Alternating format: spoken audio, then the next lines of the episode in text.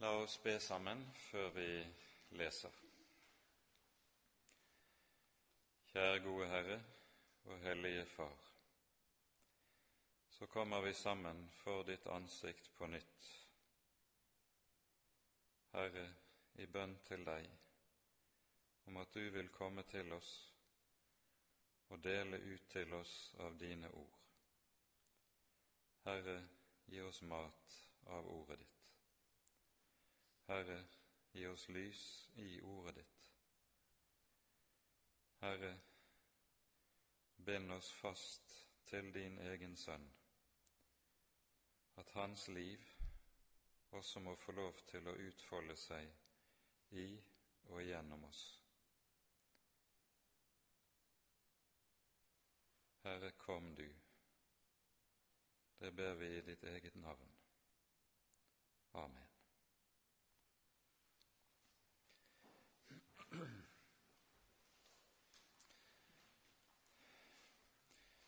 Som nevnt så er det altså slik at med det sjette kapitlet så begynner et nytt hovedavsnitt i Romerbrevet. Det går fra kapittel seks og ut kapittel åtte, og her taler altså apostelen om helliggjørelsen. En har gjerne sammenfattet dette slik at mens vi i avsnittet fra kapittel 3 vers 20 hører om rettferdiggjørelsen, der hører vi om Kristi gjerning for oss. Så er det slik at når vi kommer til kapittel 6, og det tales om helliggjørelsen, da hører vi om Kristi gjerning i oss. Og Nå er det helt avgjørende å være oppmerksom på at disse to ting henger på det aller nøyeste sammen. Og de to saker, rettferdiggjørelse og helliggjørelse, hviler begge på de samme sannheter i Guds ord. Det er altså ikke slik at det er gjennom én slags forkynnelse at Gud rettferdiggjør oss, og gjennom en annen slags forkynnelse, en forkynnelse som har et annet innhold, at Gud helliggjør oss. Hele poenget i Paulus' undervisning om helliggjørelsen er at akkurat som det er ved evangeliet og ikke ved loven at vi blir rettferdiggjort for Gud. Slik er det også i helliggjørelsen. Det er ikke loven som er helliggjørelsens kraft, det er evangeliet. Og så blir det med dette også ganske så avgjørende at en også i talen om helliggjørelsen vet å skjelne rett mellom lov og evangelium. Men nettopp på dette området er det der er usigelig mye forvirring i kristenheten. Og de som ofte fører det store ord, de kan lede oss i retninger der en føres bort fra denne grunnleggende hemmelighet. Rosenius har formulert dette på følgende måte.: Mange går til Kristus for å bli rettferdiggjort, og til Moses for å bli helliggjort. Se, det er den grunnleggende misforståelse. For Moses, han kan ikke gi og virke noen helliggjørelse. Han krever helliggjørelse, det er sant nok, men han er ikke i stand til å skape det og virke det i våre liv og i våre hjerter. Til det er det nødvendig å eie evangeliet, noe som kommer klart frem, ikke minst her i det sjette kapitlet i Romerbrevet. Dette avsnittet, som strekker seg fra kapittel 6 til 8, det kan inndeles slik at kapittel 6 frem til og med også de seks første versene i det syvende kapittel, de taler om hva Jesu kors og oppstandelse innebærer for oss som kristne, hva det innebærer for vårt liv her i verden.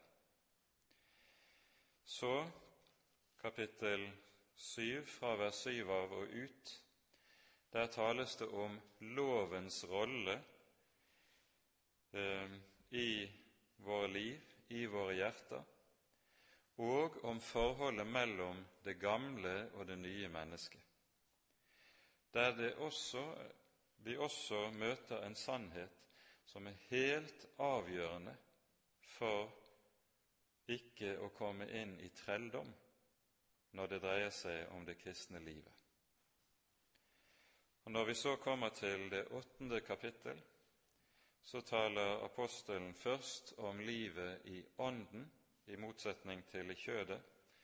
Det er en naturlig forlengelse av budskapet i kapittel 7, frem til at han taler om hvorledes Gud i sin førelse av oss virker på en slik måte at alle ting tjener oss til gode, alle ting som en kristen møter i sitt liv, tjener til hans helliggjørelse og deretter til hans herliggjørelse, altså til at han når målet hjemme hos Gud. Det er noe grovt en disposisjon av dette avsnittet som vi her har for oss. Skal vi sammenfatte det som er noe av det mest grunnleggende i talen om helliggjørelsen, så kan det passende skje ved at vi tar utgangspunkt i et vers i avslutningen av Johannes' åpenbaring. Åpenbaringen 22, vers 11. Her står det slik:" La den som gjør urett, fremdeles gjøre urett, den urene fremdeles bli uren, den rettferdige fremdeles gjøre rettferdighet, og den hellige fremdeles bli helliggjort. Den siste setningen, det er en avgjørende setning i dette. For her sies det altså den hellige er den som skal helliggjøres. Poenget er altså at det ikke går motsatt vei. Vi skal ikke helliggjøres for å bli hellige. Nei, tvert om, vi er hellige, og derfor skal vi helliggjøres. Luther sammenfatter dette helt enkelt og konkret ved hjelp av ordene 'bli hva du er'. Dette henger også sammen med en annen grunnsannhet som er viktig for oss å ha klart for øyet. Det har med syndens tilstedeværelse hos oss å gjøre. Slik Bibelen taler om oss som syndere, så lærer den jo meget tydelig at jeg er ikke en synder fordi jeg gjør synd, men motsatt jeg gjør synd fordi jeg er en synder. Synden er utslag av det jeg er etter min natur, det jeg er og har med meg som arv fra Adam. Altså, menneskenaturen er slik at det er det du er, som også kommer til å utfolde seg hos deg. I parentes kan vi her kanskje bemerke også at her er det vi ser noe av den avgjørende forskjell det er på synsbekjennelsen som vi leser innledningsvis i gudstjenesten, ehm, den avgjørende forskjell på den nye formulering som kom i Den norske kirke med liturgirevisjonen i 1978. Der endret en den gamle formuleringen til at en sa 'Jeg kjenner lysten til det onde i mitt hjerte', mens den gamle formuleringen, som vi altså har bevart i liturgien hos oss i Delk, der sies det 'Jeg kjenner den onde lyst i mitt hjerte'.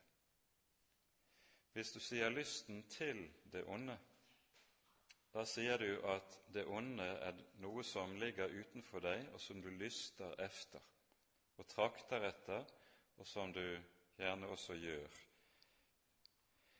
Mens når du sier 'den onde lyst som er i mitt hjerte', da beskriver du hva du er etter din natur som fallen skapning, noe som altså er langt mer grunnleggende.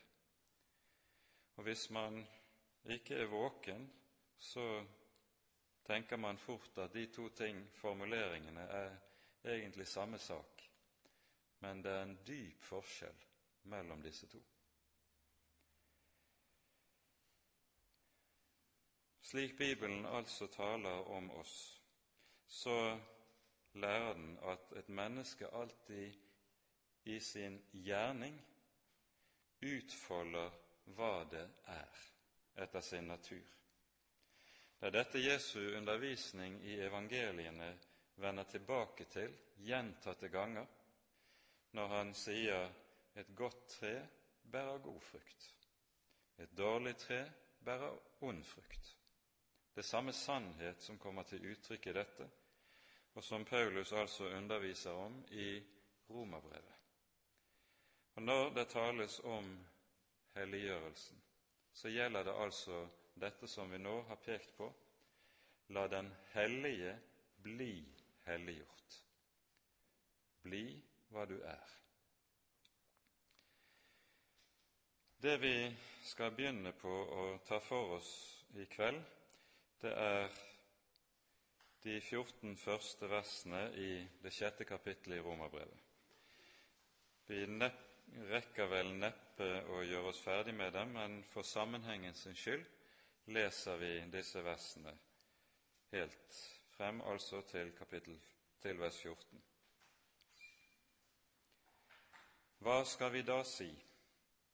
Skal vi holde ved i synden for at nåden kan bli desto større? Langt derifra. Vi som er avdød fra synden, Hvorledes skulle vi ennå leve i den? Eller vet dere ikke at alle vi som ble døpt til Kristus Jesus, ble døpt til hans død? Vi ble altså begravet med ham ved dåpen til døden, for at like som Kristus ble oppreist fra de døde ved Faderens herlighet, så skal også vi vandre i et nytt levnet. For er vi blitt forenet med ham ved likheten med hans død, så skal vi også bli det ved likheten med hans oppstandelse. Da vi jo vet dette, at vårt gamle menneske ble korsfestet med ham for at syndelegemet skulle bli til intet, så vi ikke mer skal tjene synden. For den som er død, er rettferdiggjort fra synden. Men er vi døde med Kristus, da tror vi at vi også skal leve med ham, fordi vi vet at etter at Kristus er oppstanden fra de døde, dør han ikke mer. Døden har ikke mer noen makt over ham. For sin død den døde han en gang for synden, men sitt liv, det lever han for Gud. Således skal også dere akte dere som døde for synden, men levende for Gud i Kristus Jesus. La derfor ikke synden herske i deres dødelige legeme, så dere lyder dets lyster By heller ikke deres lemmer frem for synden som urettferdighetsvåpen, men by dere frem for Gud som de som avdøde er blitt levende, og deres lemmer som rettferdighetsvåpen for Gud. For synden skal ikke herske over dere. Dere er jo ikke under loven, men under nåden.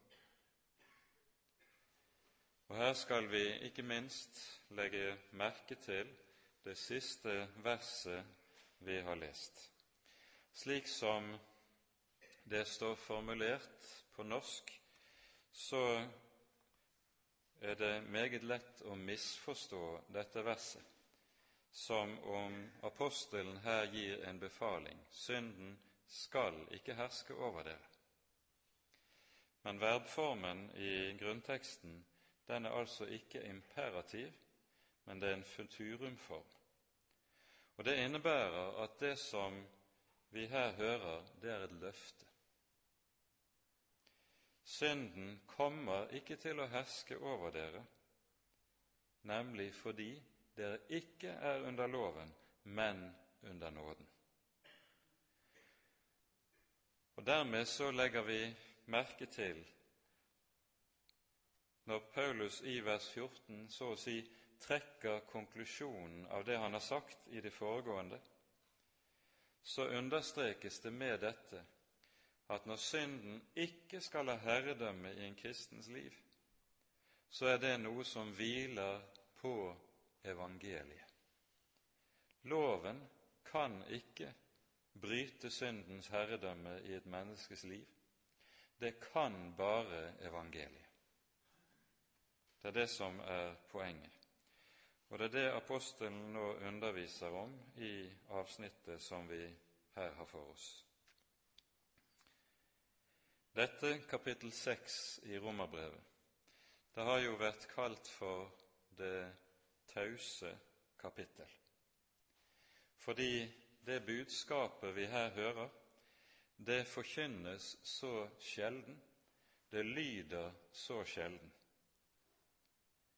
Det kom for en del år tilbake ut en bok nettopp som bar dette navnet, skrevet av bibelskolelærer i Staffels gate Sigvard Riise, Det tause kapittel, som er en meget god gjennomgang av dette avsnittet. Paulus begynner her med å si Hva skal vi da si? Skal vi holde ved i synden for at nåden kan bli desto større? Dette er et spørsmål som ganske naturlig melder seg for det naturlige menneskets fornuft på bakgrunn av det som sies i to vers før i slutten av det femte kapittelet. Her lyder det:" Loven kom til for at fallet skulle bli stort, men hvor synden ble stor, ble nåden enda større.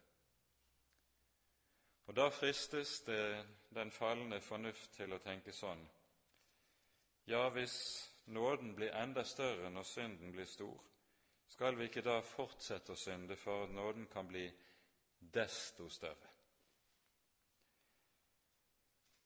Det vi da skal vite og være klar over, det er at vi med dette spørsmålet står over for den beskyldning som alle lovtreller og alle fariseere stadig beskylder den frie evangelieforkynnelsen for. Et fritt evangelium, det ødelegger den gode moral. Derfor må du ikke forkynne et evangelium som er betingelsesløst. Du må knytte en eller annen betingelse til budskapet om Kristi nåde, en betingelse som sier dersom du bare gjør slik eller slik, da skal du få nåde. Dersom du bare er alvorlig nok i din anger, dersom du bare er alvorlig nok i din omvendelse, da skal du få nåde. Og På denne måten, ved å knytte betingelser til evangeliet, så ødelegges hele evangeliet. Gjennom Kirkens historie så har vi på ny og på ny sett dette dukke opp, at en knytter slike betingelser til budskapet i evangeliet. Og man gjør det nettopp i den hensikt at evangeliet ikke skal misbrukes, slik at det blir til billig nåde. Vi møter noe av det tilsvarende spørsmål også i det tredje kapittelet i Romerbrevet. I 3.8 skriver Paulus slik.: Skal vi da ikke, slik vi spottes for og som noen sier at vi lærer, gjøre det onde for at det gode kan komme derav? Rettferdig er den dom som rammer slike. Altså, Paulus bare avviser et slikt spørsmål blankt. Han tar ikke engang opp diskusjon med de som kommer med slike påstander. I slutten av kapittel tre hører vi det lyde slik.: Opphever vi da loven ved troen? Langt derifra. Vi stadfester loven. Og det skal vi merke oss. Lov og evangelium stadfester hverandre gjensidig, men ikke på den måten altså at evangeliet gjøres betinget av noe som jeg kan gjøre eller være. Hva skal vi da si? Skal vi holde ved i synden for at nåden kan bli desto større? Langt derifra. Vi som er avdød fra synden, hvorledes skulle vi ennå leve i den? Og Dermed så peker apostelen på noe som så å si tas for gitt av ham som noe som alle de troende vet. Vi som er avdød fra synden, hvordan skulle vi ennå leve i den? I det som her sies, så kan vi for det første understreke at evangeliet innebærer ikke, slik som vi av og til kan høre det i våre dager, at Gud godtar oss slik som vi er. Det er nemlig ikke sant. Det Skriften lærer oss, det er at Han elsker oss slik som vi er, men Han godtar oss ikke slik som vi er. Frelsen består jo i stedet av at vi nettopp frelses fra det vi er i oss selv. Frelses fra det vi har fått i arv av Adam. Når Jesus dør, så dør han for å fri oss fra denne makt som hviler i våre egne hjerter, og som gjør at vi er bundet under synden og døden.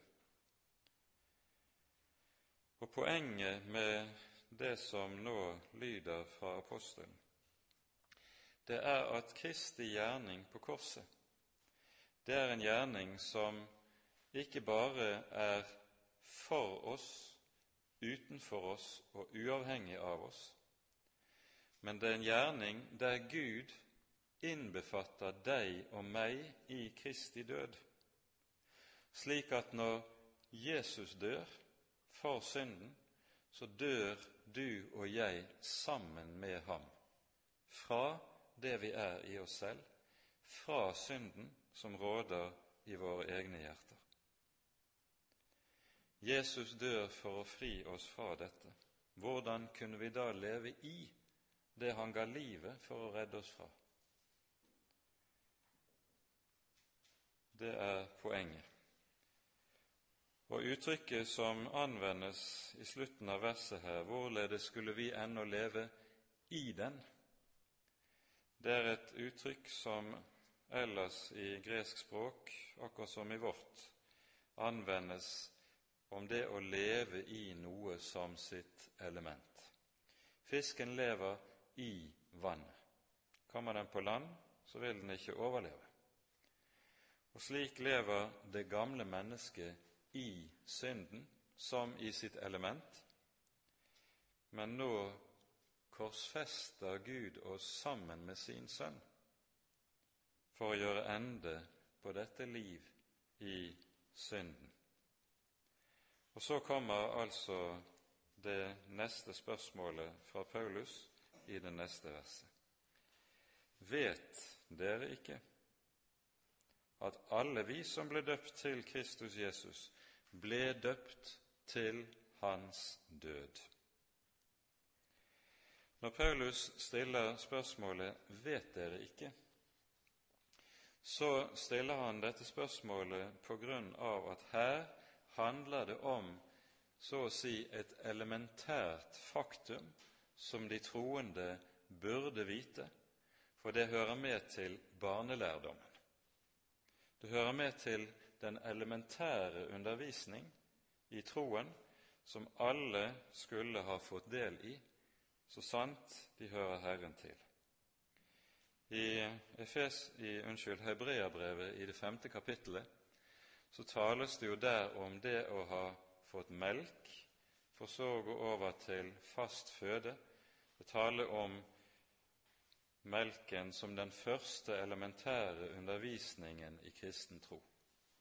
Og Når Paulus uttrykker seg sånn som han gjør her i vers 3, vet dere ikke, så sier han med dette at sannheten om foreningen med Kristus i hans død, det hører til melkeføden, som alle kristne burde kjenne som barnelærdommen og være fortrolig med fra starten av. Kanskje det også i dette ligger et annet moment som vi skal ta med oss, nemlig det som apostelen Peter skriver i sitt annet brev, der han taler om etter å ha pekt på hvorledes frelsen skal føre til et hellig liv, så sies det fra vers 12 i 1. Peters brev, kapittel 1. Derfor vil jeg alltid komme til å minne dere om dette, enda dere vet det, og er grunnfestet i sannheten som er hos dere. Likevel akter jeg det for riktig, så lenge jeg er i denne hytte, å vekke dere ved påminnelse. For jeg vet at nedleggelsen av min hytte kommer brått, som òg vår Herre Jesus Kristus varslet meg. Men jeg vil gjøre meg flid for at dere til enhver tid etter min bortgang skal kunne minnes dette. Her hører vi Peter tre ganger bruke uttrykket 'å minnes'. Hvorfor det? Det det her tenkes på, det er noe som er en allmenn erfaring, tror jeg, for de aller fleste kristne. Du har hørt og lært de grunnleggende sannheter i Guds ord, men gjennom livets mange omskiftelser, travelhet og de mange ting som skjer og skal gjøres, så er det lett for at det ene og det annet kan bli borte for deg av trossannheter. Du vet det, og likevel så blir liksom sannhetene borte. Og så trenger du nettopp det å bli minnet på det du egentlig allerede visste. Du minnes på, og denne påminnelsen kan veldig ofte fungere nettopp som det vi hører her i vers 13. Jeg vil vekke dere ved påminnelse. Det var en sannhet, et ord fra Skriften, som var blitt borte for deg. Og så hører du det på ny, Og nettopp det at du får høre det på ny igjen, tjener til å vekke deg opp igjen. Det er antagelig også noe av dette som ligger bak det at Paulus skriver som han gjør, eller vet dere ikke? Han minner dem om hva de har hørt, hva de skulle vite, men som så lett glipper for oss. Vet dere ikke at alle vi som ble døpt til Kristus Jesus, ble døpt til Hans død? Og i vers 5 kommer det er vi blitt forenet med ham ved likheten med hans død, skal vi også bli det ved likheten med hans oppstandelse. Og så tales det altså om dåpen. Det som er tydelig, det er at i dåpen så gjør Gud en bestemt gjerning med oss som blir døpt. Og Dermed så er vi fremme ved det som vi gjerne kaller for at dåpen er et nådemiddel. Nådemiddel er ikke vår gjerning. Et nådemiddel, det er en Guds gjerning. Et nådemiddel, det er et verktøy Gud bruker for å utføre sin frelsesgjerning med oss. Og han har gitt oss altså tre nådemidler, slik vi hører det i Det nye testamentet. Det viktigste og grunnleggende er Ordet. Dernest følger dåpen, og så Den hellige nattvær. Og så er den gjerning Gud altså gjør med oss i dåpen, det er at vi forenes med Kristus. Vi forenes med Jesu død og Jesu oppstandelse, sies det. Og dette skjer, som vi hører, ved en likhet med hans død. Og Her er det da tydelig at apostelen tenker på den konkrete måte som dåpen gjerne foregikk på i oldkirken, nemlig ved fullstendig neddykking. En ble begravet i vannet, og en ble reist opp av vannet. En skikk som var allmenn oppover gjennom i Kirkens historie, langt opp i middelalderen, også når det gjaldt barnedåp. I flere kirkesamfunn har man også full neddykking av barn fortsatt når de døpes. At det ble slutt på det hos oss, har med de klimatiske forholdene å gjøre.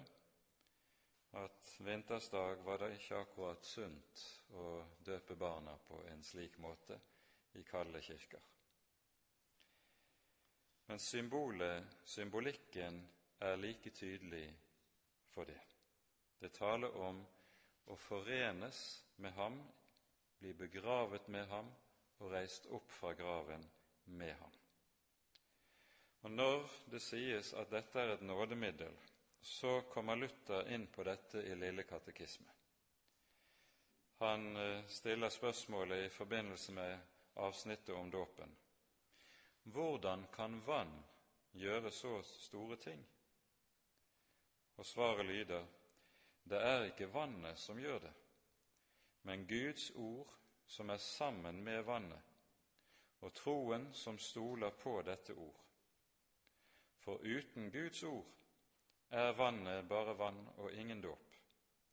Men med Guds ord er det en dåp, dvs. Si et nåderikt livets vann og et bad som gjenføder ved Den hellige ånd, slik Paulus sier i brevet til Titus, der det står slik, kapittel 3, vers 5-8. Han frelste oss ved det bad som gjenføder og fornyer ved Den hellige ånd, som Han så rikelig har utøst over oss ved Jesus Kristus, vår Frelser.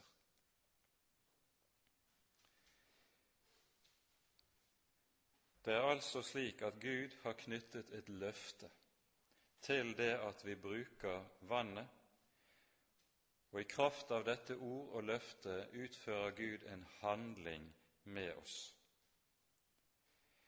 Vet dere ikke at alle vi som ble døpt til Kristus Jesus, ble døpt til hans død?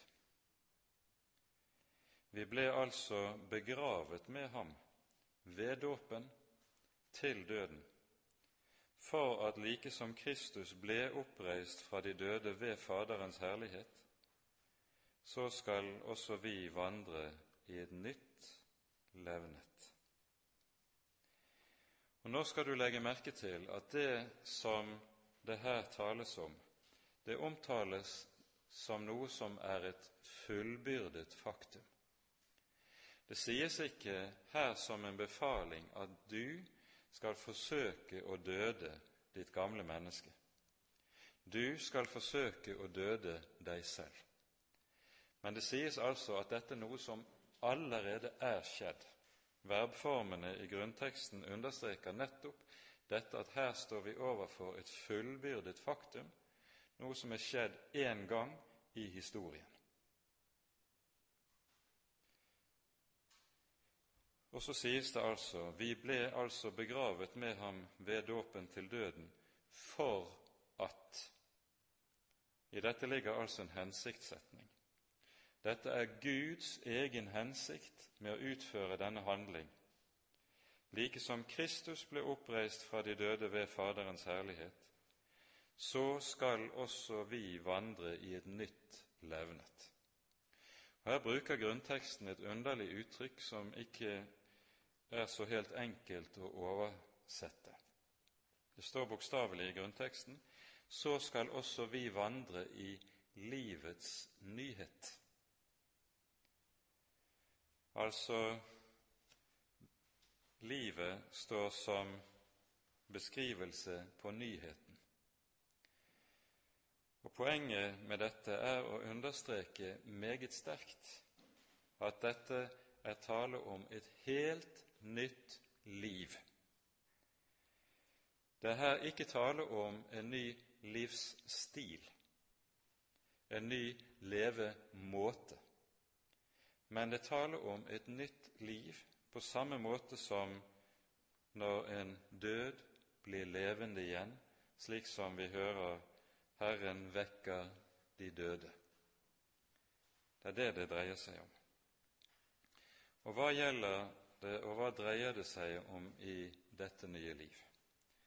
Dette er en sannhet som apostelen er inne på en rekke sammenhenger i Den hellige Skrift. Vi skal peke på et par andre steder der samme sak understrekes.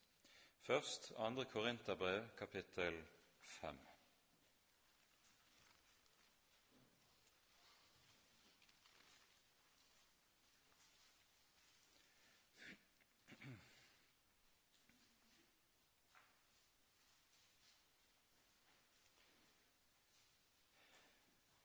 I dette avsnittet taler apostelen om sin egen og de øvrige apostlenes tjeneste.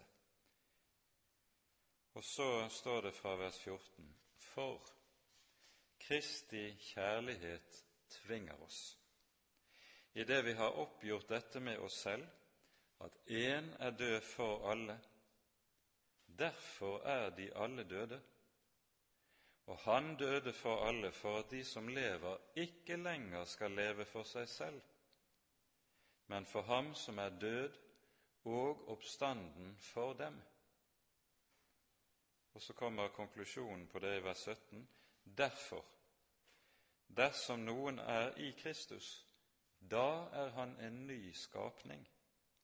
Det gamle er forgangent, se, alt er blitt nytt. Legg her merke til det Paulus sier i vers 14, for her peker han på hva som er drivkraften i både sin egen og de øvrige apostlenes tjeneste. Kristi kjærlighet tvinger oss. Det er ikke loven som tvinger, legg merke til det, men det er Kristi kjærlighet som er selve drivkraften i livet. Og Dette skulle være et ord som ikke minst skulle stå der til påminnelse i forhold til mye av det vi står overfor i våre dager, hvor det er ofte et stadig mas på, du kan høre, på at man må ut og evangelisere. Man må ut og misjonere. Man må ut og redde en verden som holder på å gå fortapt. Og så prøver man å drive særlig unge mennesker ut og i gang med dette gjennom å gi dem dårlig samvittighet, slik at det er den dårlige samvittigheten som er drivkraften. Når det skjer, da tjener det til at man leder mennesker inn under loven og inn i trelldom igjen. Og de som blir bundet og nettopp lar seg drive for sin dårlige samvittighets skyld slik, de kommer ofte inn i en fryktelig trelldom som er meget tung å bære. Nei, apostelen sier Kristi kjærlighet tvinger oss. Det er noe ganske annet. Når Kristi kjærlighet tvinger, da er det vi ser det komme til uttrykk, som Jesus taler om i Matteus 12. Det hjertet er fullt av, renner munnen over med.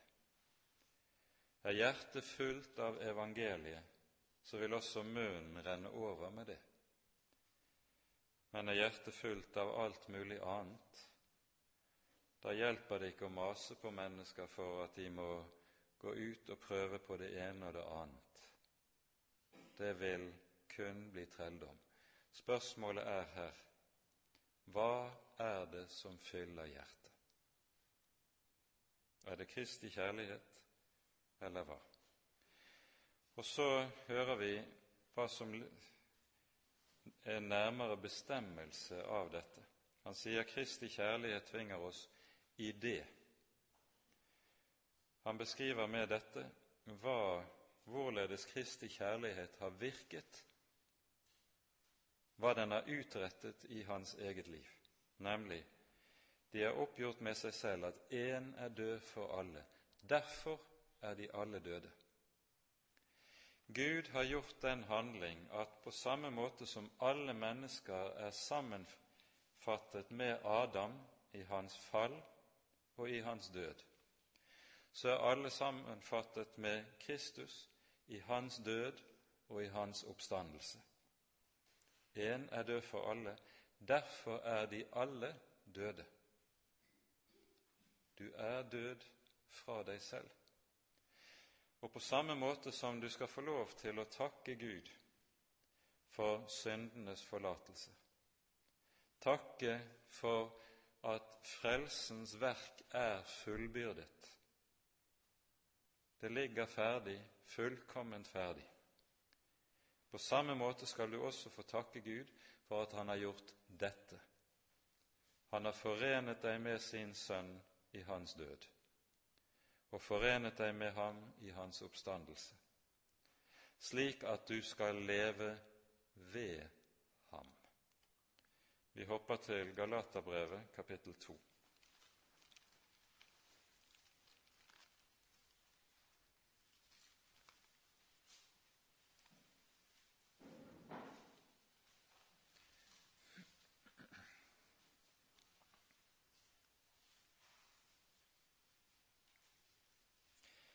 Her leser vi i vers 20 eh, noen ord som har vært betegnet som Paulus' valgspråk.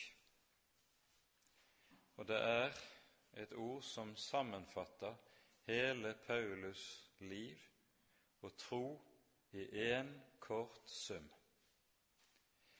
Jeg er korsfestet med Kristus.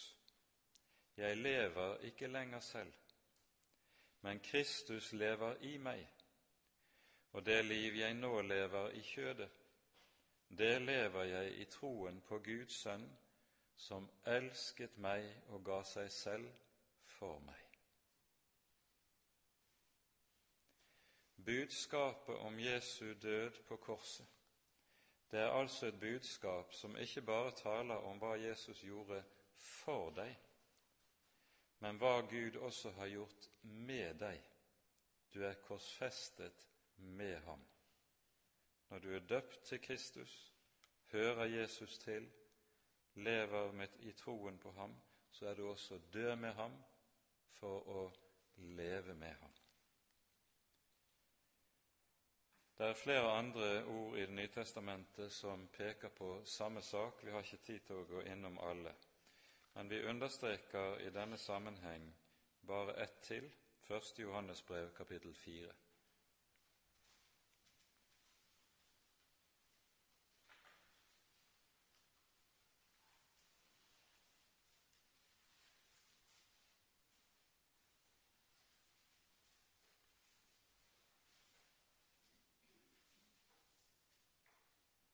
Her står det slik i vers 9. Ved dette er Guds kjærlighet åpenbaret iblant oss, at Gud har sendt sin Sønn, den enbårne, til verden, for at vi skal leve ved ham. Og merk deg det uttrykket nøye for at vi skal leve ved ham. Det kristne liv, det er å leve ved Kristus. Jeg skal ikke leve ved loven, men ved ham. Jeg skal ikke leve ved egen kraft, men i ham. Det er Jesus som er mitt liv. Det liv som skal utfolde seg her i verden, her i tiden. Og det innebærer helt konkret at slik det nye testamentet taler om dette, så er helliggjørelse ikke selvforbedring, men det er at Kristi liv utfolder seg igjennom oss. Det er Jesus selv som er det nye livet. Går vi tilbake til Romane 6, så sier Paulus i det ellevte verset følgende Det sto i min oversettelse Således skal dere akte dere som døde for synden, men levende for Gud i Kristus. Det står vel 'regne dere som døde for synden' i den nye oversettelsen, gjør det ikke det? Poenget med dette uttrykket 'å regne seg for' det er at her møter vi igjen det ordet som vi hører i det fjerde kapittelet i Romerbrevet, når det taler om at vi blir tilregnet Kristi rettferdighet. Det står i Romane 4, vers 3. Hva sier Skriften? Abraham trodde Gud, og det ble regnet ham til rettferdighet i vers 6. Således priser også David det mennesket salig som Gud tilregner rettferdighet uten gjerninger. Flere andre steder møter vi også dette ordet regne eller tilregne, samme ord i grunnteksten. Poenget er det er altså Gud som regner Abraham som rettferdig på grunn av troen ikke på grunn av at han har noen gjerninger. Det er en akt i Gud. Og så sies det her i vers 11 i Romane 6.: Således skal dere også regne dere som. Hvorfor står det også? Jo, fordi Gud regner dere som døde med Kristus og korsfestet med Kristus, så skal dere på samme måte regne med det som Gud har gjort og tilregner. Og her gjelder nøyaktig samme sak. Like som du er tilregnet rettferdigheten, tilregnet syndenes forlatelse, så er du hos Gud også tilregnet Kristi død og oppstandelse. Og så sies det du skal regne med det som Gud også regner. Ja, men, sier du, jeg ser ikke, jeg føler ikke at jeg er korsfestet med Kristus. Jeg ser ikke, og jeg føler ikke, og jeg opplever ikke at jeg lever i Kristus, og Kristus lever i meg. Da skal vi stille to spørsmål. For det første ser du og føler du at du er rettferdig for Gud i Kristus? Det gjør du ikke. Det er noe som du må tro på det Guds ord som gis deg. Herren har sagt det, derfor står det der. Derfor står det fast. Og på samme måte er det med den sannhet som vi her har for oss, som taler om foreningen med Kristi død og oppstandelse. Det er noe som Herren har sagt, og Herren regner med, og så skal vi regne med det Herren regner med.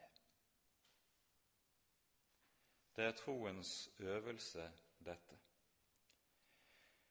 Og Når det er sagt, så skal du da også legge merke til ordlyden i Romane 6. For når det taler om foreningen med Kristi død, så sies det her ikke at synden er død i meg ved Kristi kors. Synden er der. Syndelegemet er der i høy grad. Men det sies 'Jeg er død fra den synd som er der'. Apostelen uttrykker seg meget nøyaktig. Så du vil nok i høy grad både se og erfare at synden er levende og gjør seg gjeldende. Men nettopp det du er og føler hos deg selv av det gamle mennesket, det er det du er død fra, og derfor er befridd fra. Du er død fra det du er i deg selv, fri fra det du er i deg selv. I Kolosserbrevet er Paulus inne på noe av dette som vi her taler om, og understreker en sannhet som er meget avgjørende for oss å ha for øye. Kolosserbrevet kapittel 3, vers 1 til 3.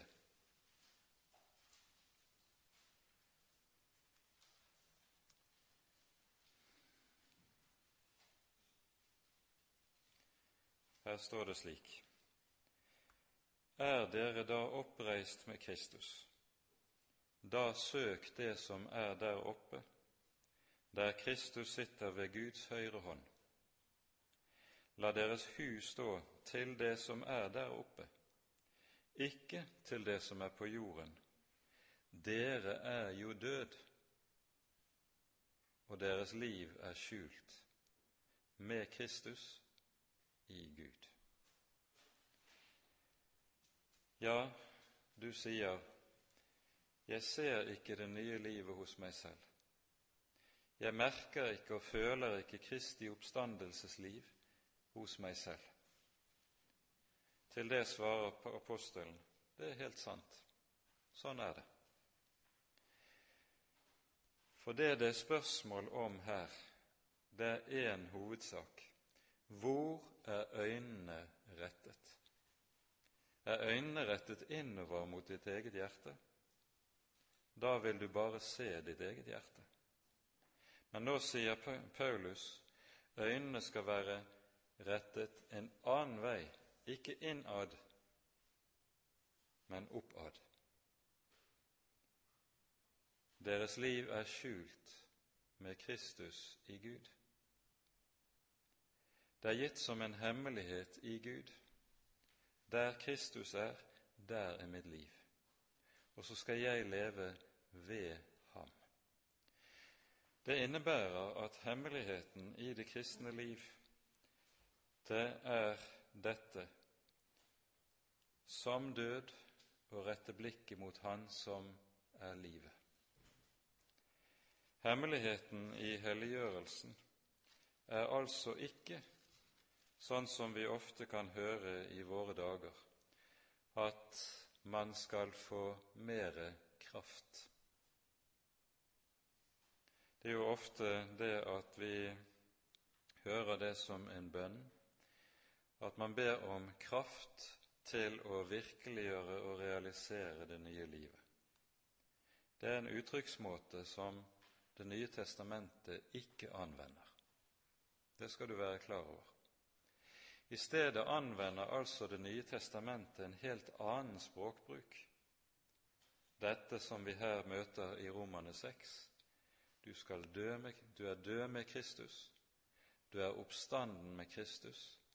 Derfor skal du leve ved Kristus, ikke ved deg selv.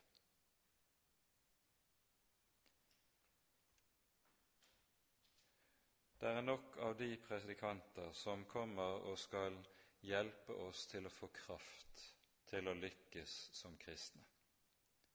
Men du har kanskje opplevd og gjort den erfaringen som etter hvert både den ene og den andre gjør når troen modnes under Åndens veiledning. Du ber om kraft, og så får du ikke styrke. Du føler i stedet at du blir bare svakere. Du står mer og mer på bar bakke, likesom, i møte med fristelser som kommer og som melder seg i ditt eget bryst eller fra verden omkring deg. Du ber om kraft, men synes du får mindre og mindre av det. Hvorfor er det slik? Hemmeligheten er nettopp dette. Det er Guds svar på din bønn, at du føler deg mer og mer kraftløs. For nettopp denne kraftløshet, den fører deg inn i dette, døden med Kristus. Du er forenet med Kristi død for at du også skal være forenet med ham i hans oppstandelse. Det uttrykket som nemlig anvendes her i vers 6, unnskyld, vers 5 i Romane 6, når det står er vi blitt forenet med ham. Det er et uttrykk som er hentet fra gartnerspråket, og det taler om innpodning. Du forenes med den grenen som podes, den forenes med stammen som den podes inn i, og slik vokser den sammen og blir ett med stammen, og så henter den liv og næring fra stammen som den er forenet med. Jeg er vintreet, dere er grenene, sier Jesus. Bli i meg, så blir jeg i dere, og dere skal bære megen frukt. For uten meg kan dere intet gjøre. Det det taler om i dette avsnittet, det er altså å komme inn i et døds- og livssamfunn med Kristus, slik at Kristi eget liv utfolder seg igjennom oss. Dette livssamfunn, det er selve den grunnleggende bestemmelsen av hva det kristne liv er. Det kristne liv består jo ikke i at jeg blir et prektig menneske, men det kristne liv består i at jeg lever hos Jesus, i Jesus, sammen med Jesus. Og Herren Gud har virkeliggjort at dette kan skje gjennom å forene oss med hans, sin sønn i hans død og i hans oppstandelse. Regner du med det? Regner du med det?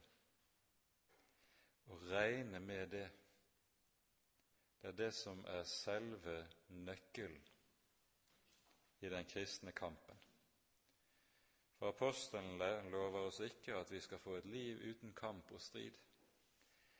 Men den grunnleggende kristne kamp handler nettopp om denne øvelse i å regne med i tro det som vi ikke ser, ikke føler, men som Gud har sagt i sitt ord. Livs- og dødssamfunnet med Jesus. Det er hemmeligheten i det kristne livet. Og Da tror jeg vi setter punktum for i dag. Vi fortsetter på dette til neste gang.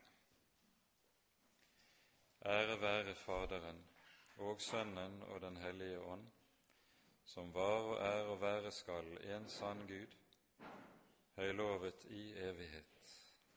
Oh, Amen.